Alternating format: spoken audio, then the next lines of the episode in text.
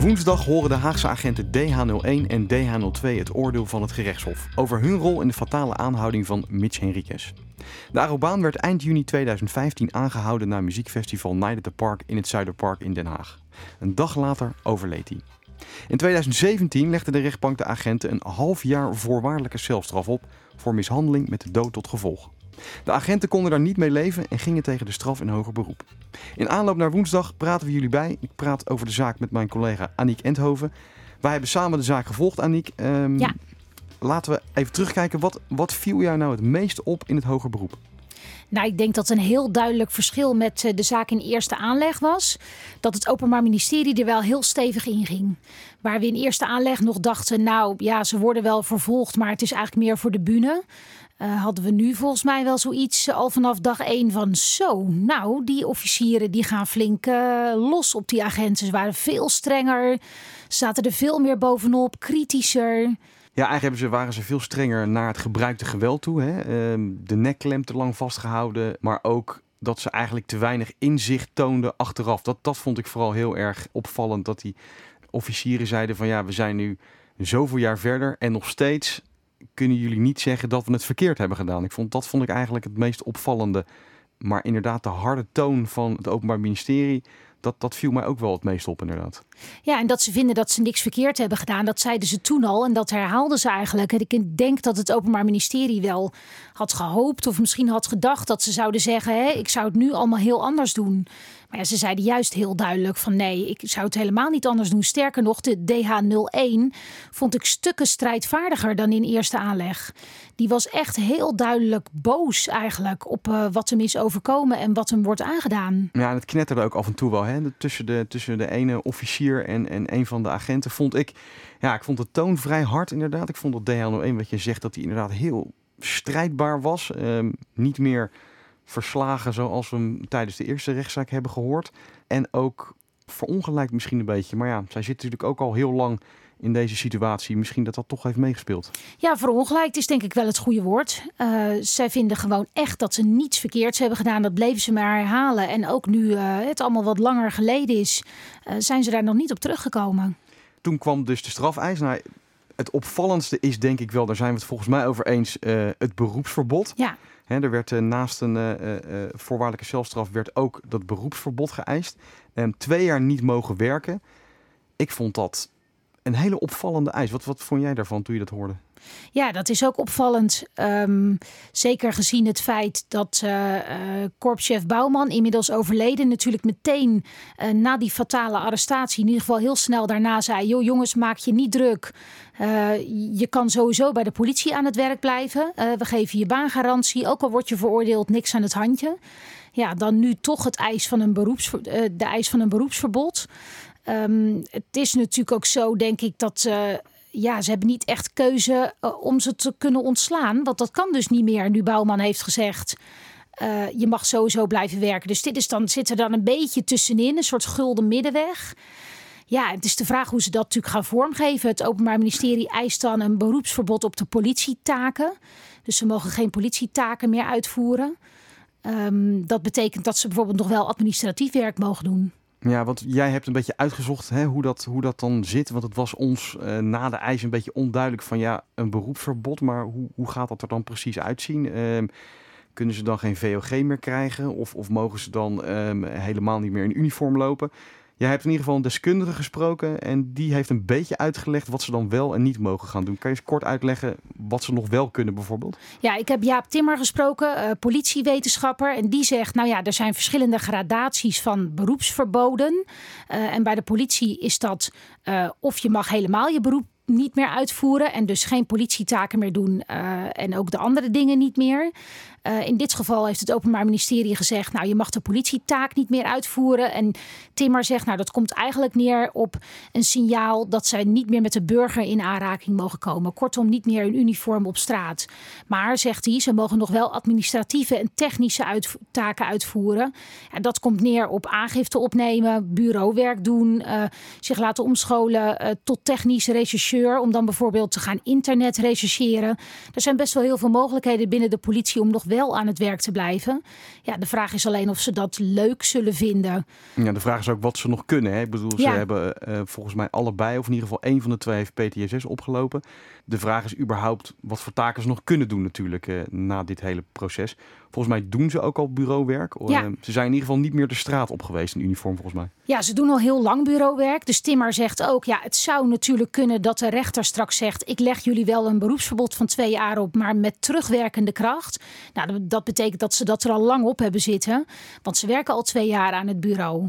Dus dat zou wrang zijn naar de samenleving. Um, maar dat is wel een mogelijkheid. Ja, want ik denk als de rechter ervan uitgaande dat dat straks wordt opgelegd, of in ieder geval misschien een deel of, uh, van dat beroepsverbod, dat is dan wel nog weer een extra klap voor die agenten. Dus weer twee jaar um, aan de kant gezet worden eigenlijk.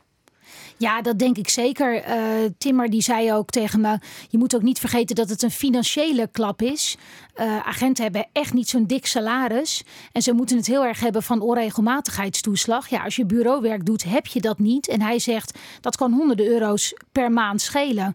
Dus dan leg je ze ook eigenlijk nog een financiële straf op. En daarbij zegt hij: veel politiemensen zijn toch met hun hele ziel en zaligheid politieman geworden. En uh, als je dan twee jaar je politietaak niet uit mag voeren, ja, dan is dat een enorme afgang. Ja, nog een keer twee jaar hè, zou het dan worden. Ik bedoel, ze zitten natuurlijk al zo lang in, deze, in dit hele proces waar ze eigenlijk ja, niet, voor, uh, niet volledig kunnen werken. Dus dan komt er nog een keer twee jaar bovenop. Dat valt ze ook al heel zwaar, hebben ze gezegd in de rechtbank. Uh, dat ze uh, ja, nu niet de straat op kunnen, mogen. dus daar zou dan inderdaad nog wat bovenop komen als het door zou gaan. De dood van Mitch Henriquez en het proces tegen de twee agenten was niet alleen bij ons in Nederland groot nieuws. Ook op Aruba werd de zaak op de voet gevolgd. Natasha Gibbs werkt voor de NTR, voor het Caribisch netwerk en ik vroeg haar hoe die uitspraak leeft op de eilanden. De familie Henriques, uh, zeker op Aruba, is gewoon een bekende familie. Uh, en er wordt enorm met meegeleefd. Iedereen heeft wel ergens een band met een van de familieleden of is, uh, is daarbij betrokken. Um, verder veel mensen zien het ook als van hé, hey, dit had mij ook kunnen overkomen of mijn zoon uh, in, in die zin. Dus mensen voelen zich daar emotioneel enorm bij betrokken. Verder is er ook nog dat historische aspect. Dus uh, ja, eigenlijk die argwanende houding uh, die veel Caribische Nederlanders hebben te, ten aanzien van Nederland. En dan met name het rechtssysteem en de politie. Um, maar ook de manier waarop er wordt omgegaan met de eilanden en de eilandbewoners.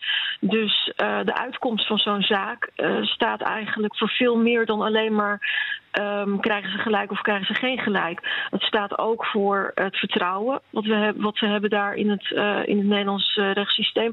Maar ook bijvoorbeeld, hoe gaat het dan in de toekomst?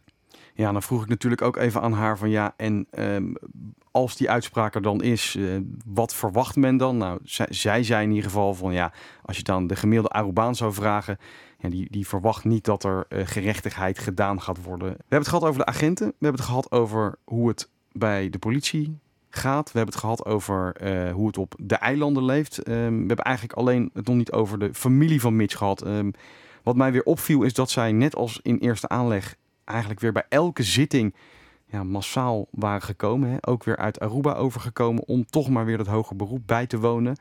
Um, het was ook op momenten weer, uh, op bepaalde momenten weer een zware zit voor ze. Alles kwam weer naar boven. Hoe denk jij dat zij toeleven naar deze uitspraak? Is het voor hun dan ook echt klaar, denk je? Ze hopen iedere keer dat het klaar is. Dat hoger beroep kwam ze behoorlijk rauw op hun dak vallen, denk ik. Aan de andere kant zullen ze nu achteraf denken: nou, mooi dat dat uh, gebeurd is. Want ja, de eis is uh, wel wat hoger. Ze zijn altijd heel emotioneel. En uh, ik denk dat ze toch een hele hoge verwachtingen hebben. Aan de andere kant worden die verwachtingen ook weer enigszins getemperd door de eis. Zij willen gewoon eigenlijk dat die agenten voor jarenlang de cel ingaan. Ja, dat gaat gewoon niet gebeuren. En dat weten ze inmiddels ook wel.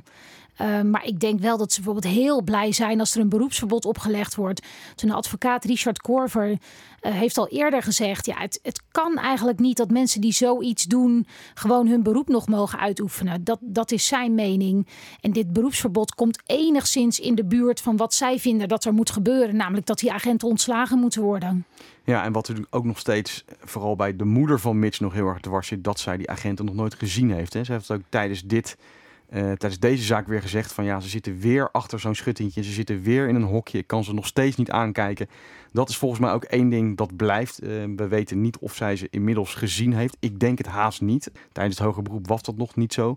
Volgens mij is dat wel iets wat altijd nog blijft steek. Ja, ze zou ze natuurlijk graag een keer in de ogen willen kijken. Dat kan niet, omdat ze achter dat scherm zitten. Ze weet niet eens de namen, want ze worden DH01 en DH02 genoemd.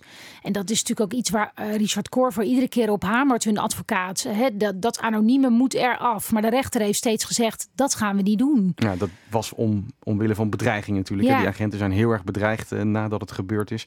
Uh, ook lang na het eerste proces zijn ze nog bedreigd. Ehm, dat gaat waarschijnlijk nooit gebeuren, inderdaad. Nee, nou ja, zeg nooit nooit. Eh, wie weet, hè, ik kan me zo voorstellen van die agenten dat als echt we een aantal jaren verder zijn en uh, al het spannende er wel zo'n beetje af is, dat zij misschien toch eens een keer een brief aan die familie zullen schrijven. Of uh, ja, je weet maar nooit wat er. Uh, in die zin daarmee nog gebeurt. Maar dat is voor de familie ook heel zwaar. Ja, ja, want ze hebben natuurlijk ook altijd gezegd: wij zijn nooit met de intentie hem aan gaan houden om hem te doden. Ehm, dat is wat wel steeds terug blijft komen. Dus ik kan, wat je zegt inderdaad, ik kan me voorstellen dat als alles voorbij is, ze misschien nog een keer contact gaan zoeken ehm, om ja, elkaar eens in de ogen te kijken. Ja, het is niet zozeer zo dat ze zeggen wij willen voor de familie anoniem blijven. Maar inderdaad, vanwege die bedreigingen. Nou ja, als je straks jaren verder bent en dat er allemaal af is, dan zullen ze zich misschien uh, een keer bekendmaken. Oké, nou komende woensdag 19 juni om 10 uur doet het Hof uitspraak in de rechtbank op Schiphol live te volgen via omroepwest.nl. We hebben een livestream. Aniek, jij bent er ook bij. Ik ben erbij. Zeker. Voor nu, bedankt voor het luisteren. Al het nieuws over de zaak Mitch Henriquez is straks te vinden op omroepwest.nl. Graag tot de volgende podcast.